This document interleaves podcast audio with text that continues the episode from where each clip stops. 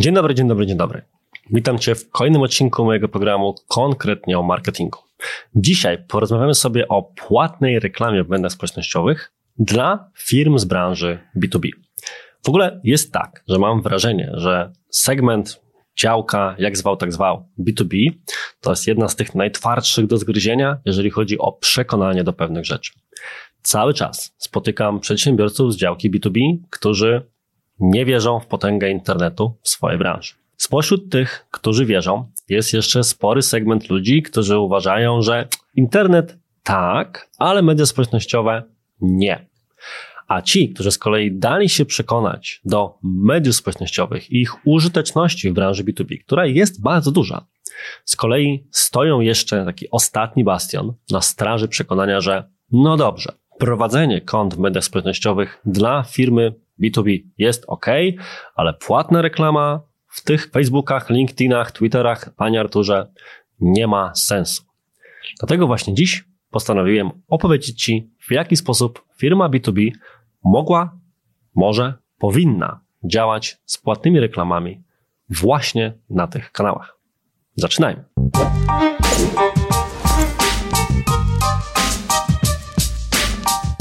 Zanim przejdziemy do generowania potencjalnych rozwiązań, zastanówmy się nad tym, jak zazwyczaj wygląda proces dyskredytowania z czasem płatnych reklam społecznościowych, czyli płatnych reklam w social media dla firmy z obszaru B2B. Najczęściej jest kilka potencjalnych scenariuszy, dzieje się albo jeden z nich, albo kilka naraz, które są przyczyną takiego, a nie innego stanu rzeczy.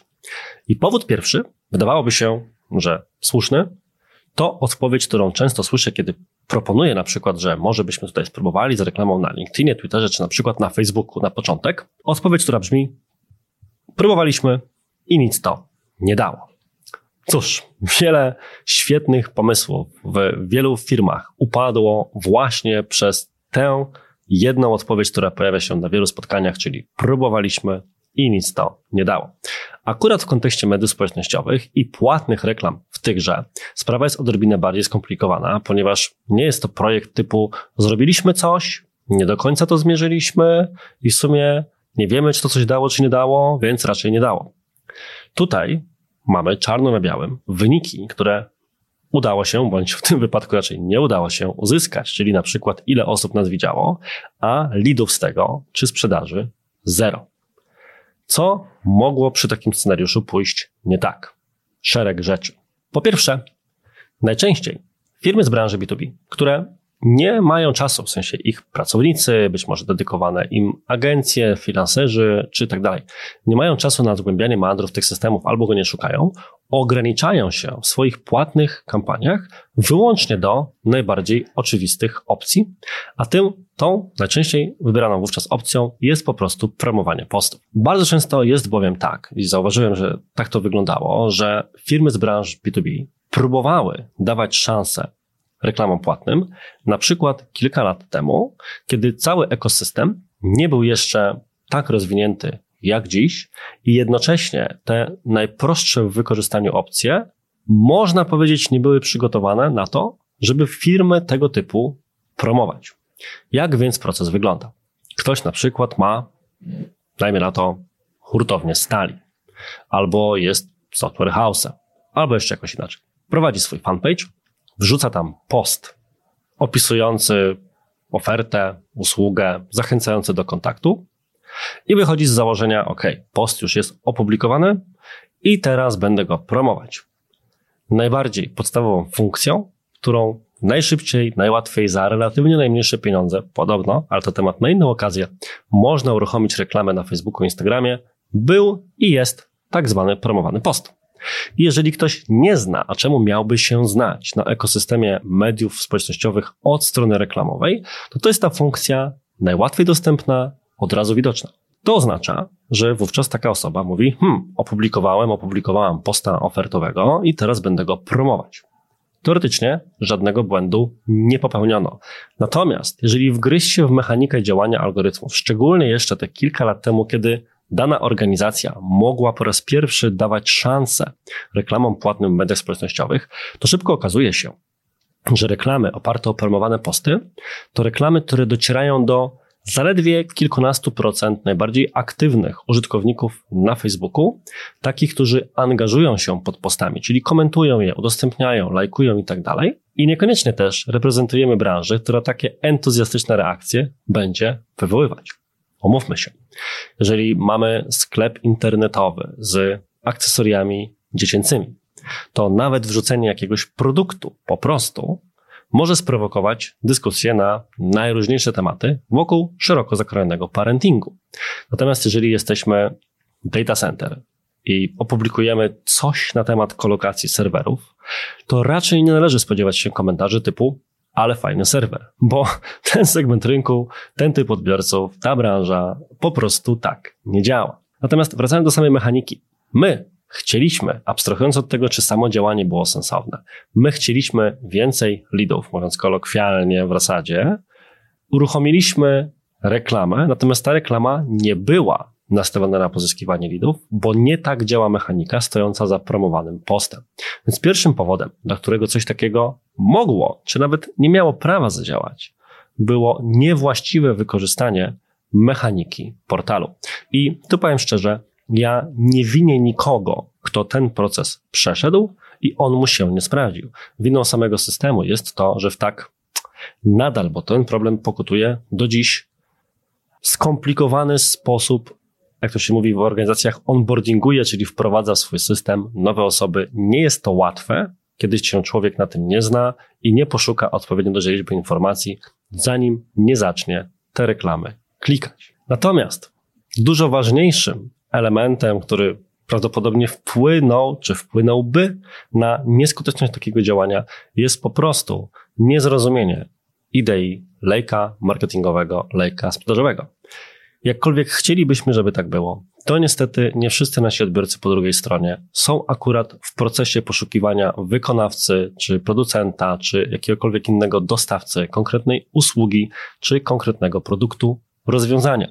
To oznacza, że nastawienie całej komunikacji, czy nawet reklam, zwłaszcza reklam, z przekazem tu i teraz wejdź i skontaktuj się z naszym handlowcem, nie jest właściwą drogą. Ten proces trwa, jest rozciągnięty w czasie i skoro w taki sposób traktujemy procesy handlowe w naszej firmie, a przynajmniej mam nadzieję, to również w ten sam sposób powinniśmy traktować tego wirtualnego handlowca, którym mogą być reklamy w mediach społecznościowych końcu jedna z definicji marketingu mówi, że jest to sprzedaż do wielu. Stąd płatna reklama w mediach społecznościowych mogła nie zadziałać dla firmy z branży B2B właśnie dlatego, że z jednej strony wykazaliśmy się, tudzież mogliśmy się wykazać brakiem przemyślanej strategii, co i dlaczego chcemy promować, żeby zaowocowało to pojawieniem się potencjalnych klientów, a po drugie sama mechanika portalu, która nie promuje takich bezpośrednich działań w najprostszy sposób, nam w tym nie pomogła.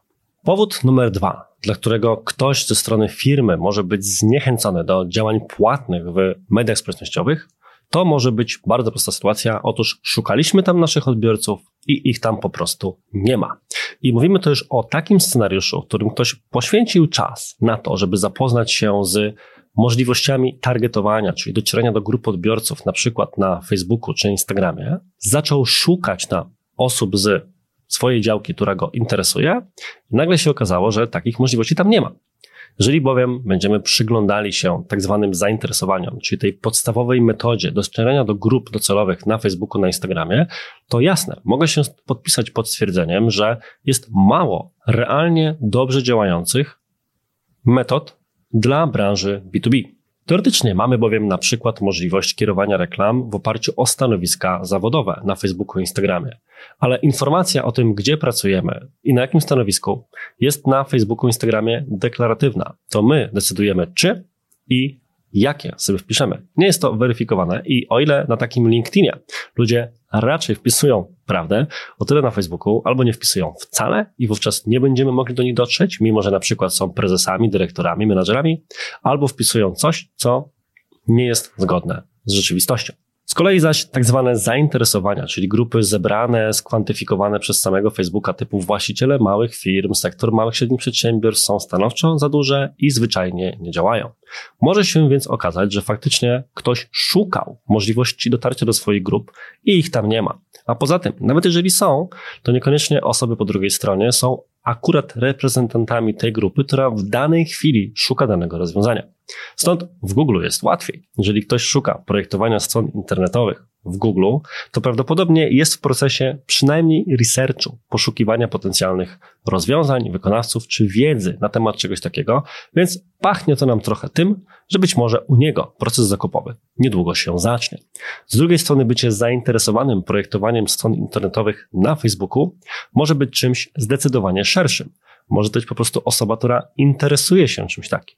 Może sama jest tym projektantem i tak dalej, i tak dalej. Dlatego właśnie targetowanie w mediach społecznościowych jest trudniejsze, co niekoniecznie oznacza, że jest nieskuteczne.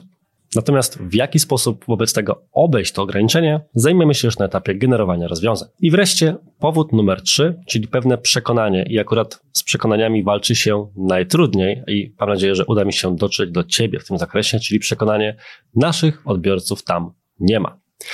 Ileś to razy rozmawiałem z prezesami, menadżerami, dyrektorami, specjalistami i tak dalej i za każdym razem słyszałem, że nie będziemy na przykład otwierali kanału na YouTubie, prowadzili fanpage'a na Facebooku, czy rozpoczynali komunikację na Instagramie, Twitterze, bądź innym medium, którym z mojej perspektywy było właściwym w danej sytuacji, ponieważ nie ma tam naszych odbiorców.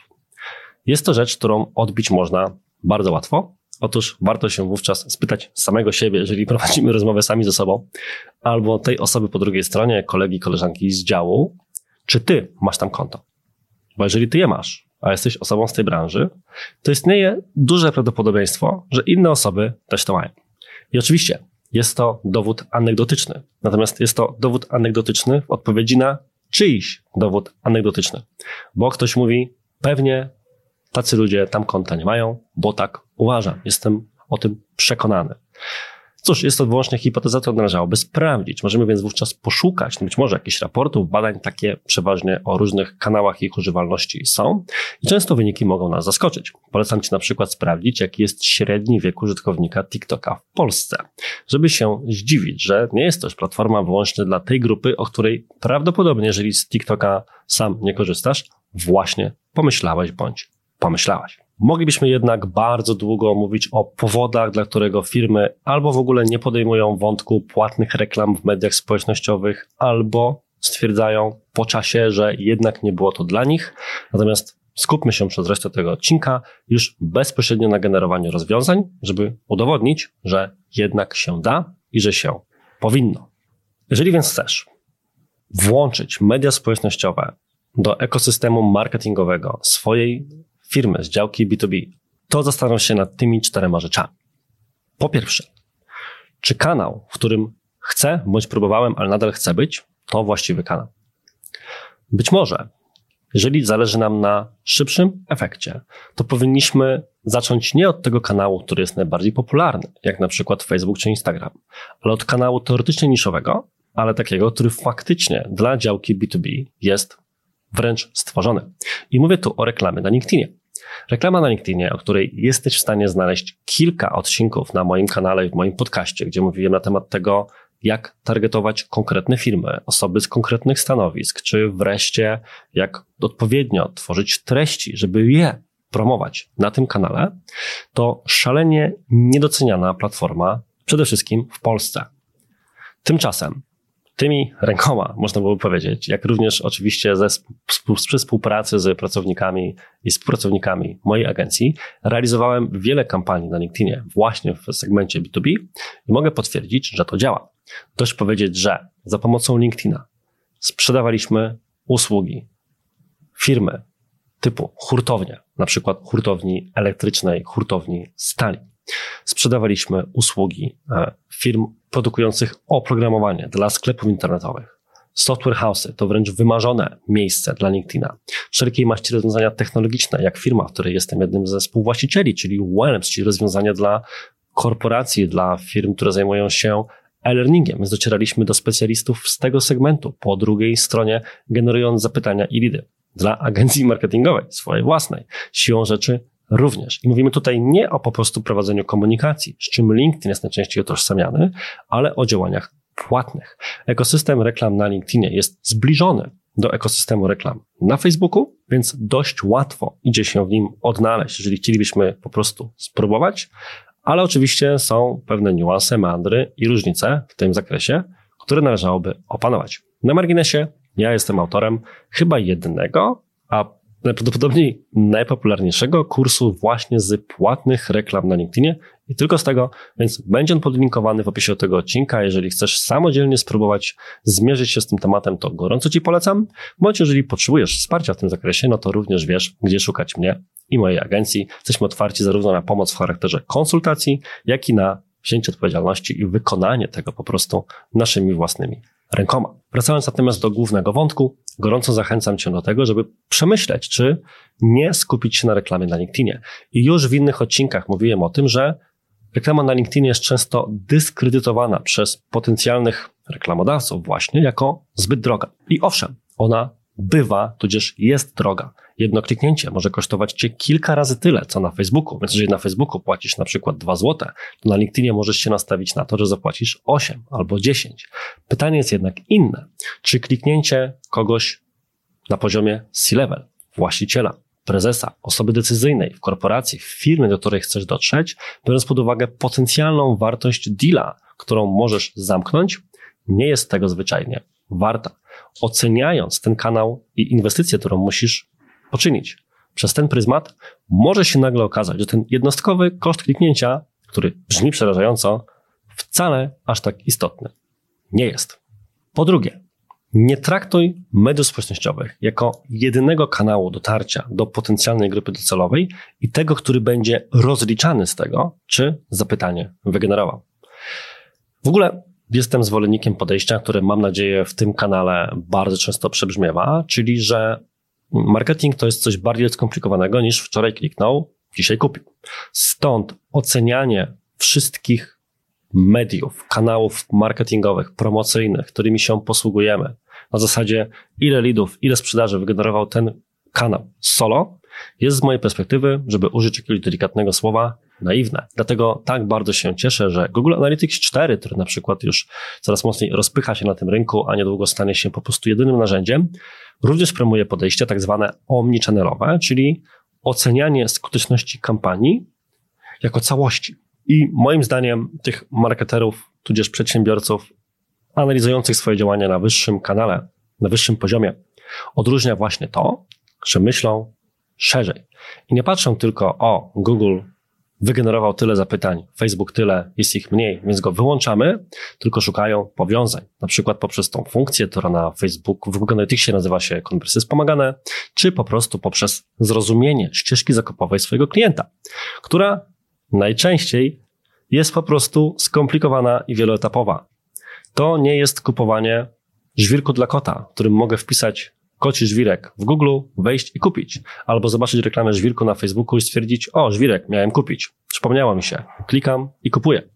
Proces decyzyjny w firmach B2B, co doskonale wiesz, trwa przecież tygodniami, miesiącami. Wymaga wielu punktów styku z marką, z firmą, z jej ofertą.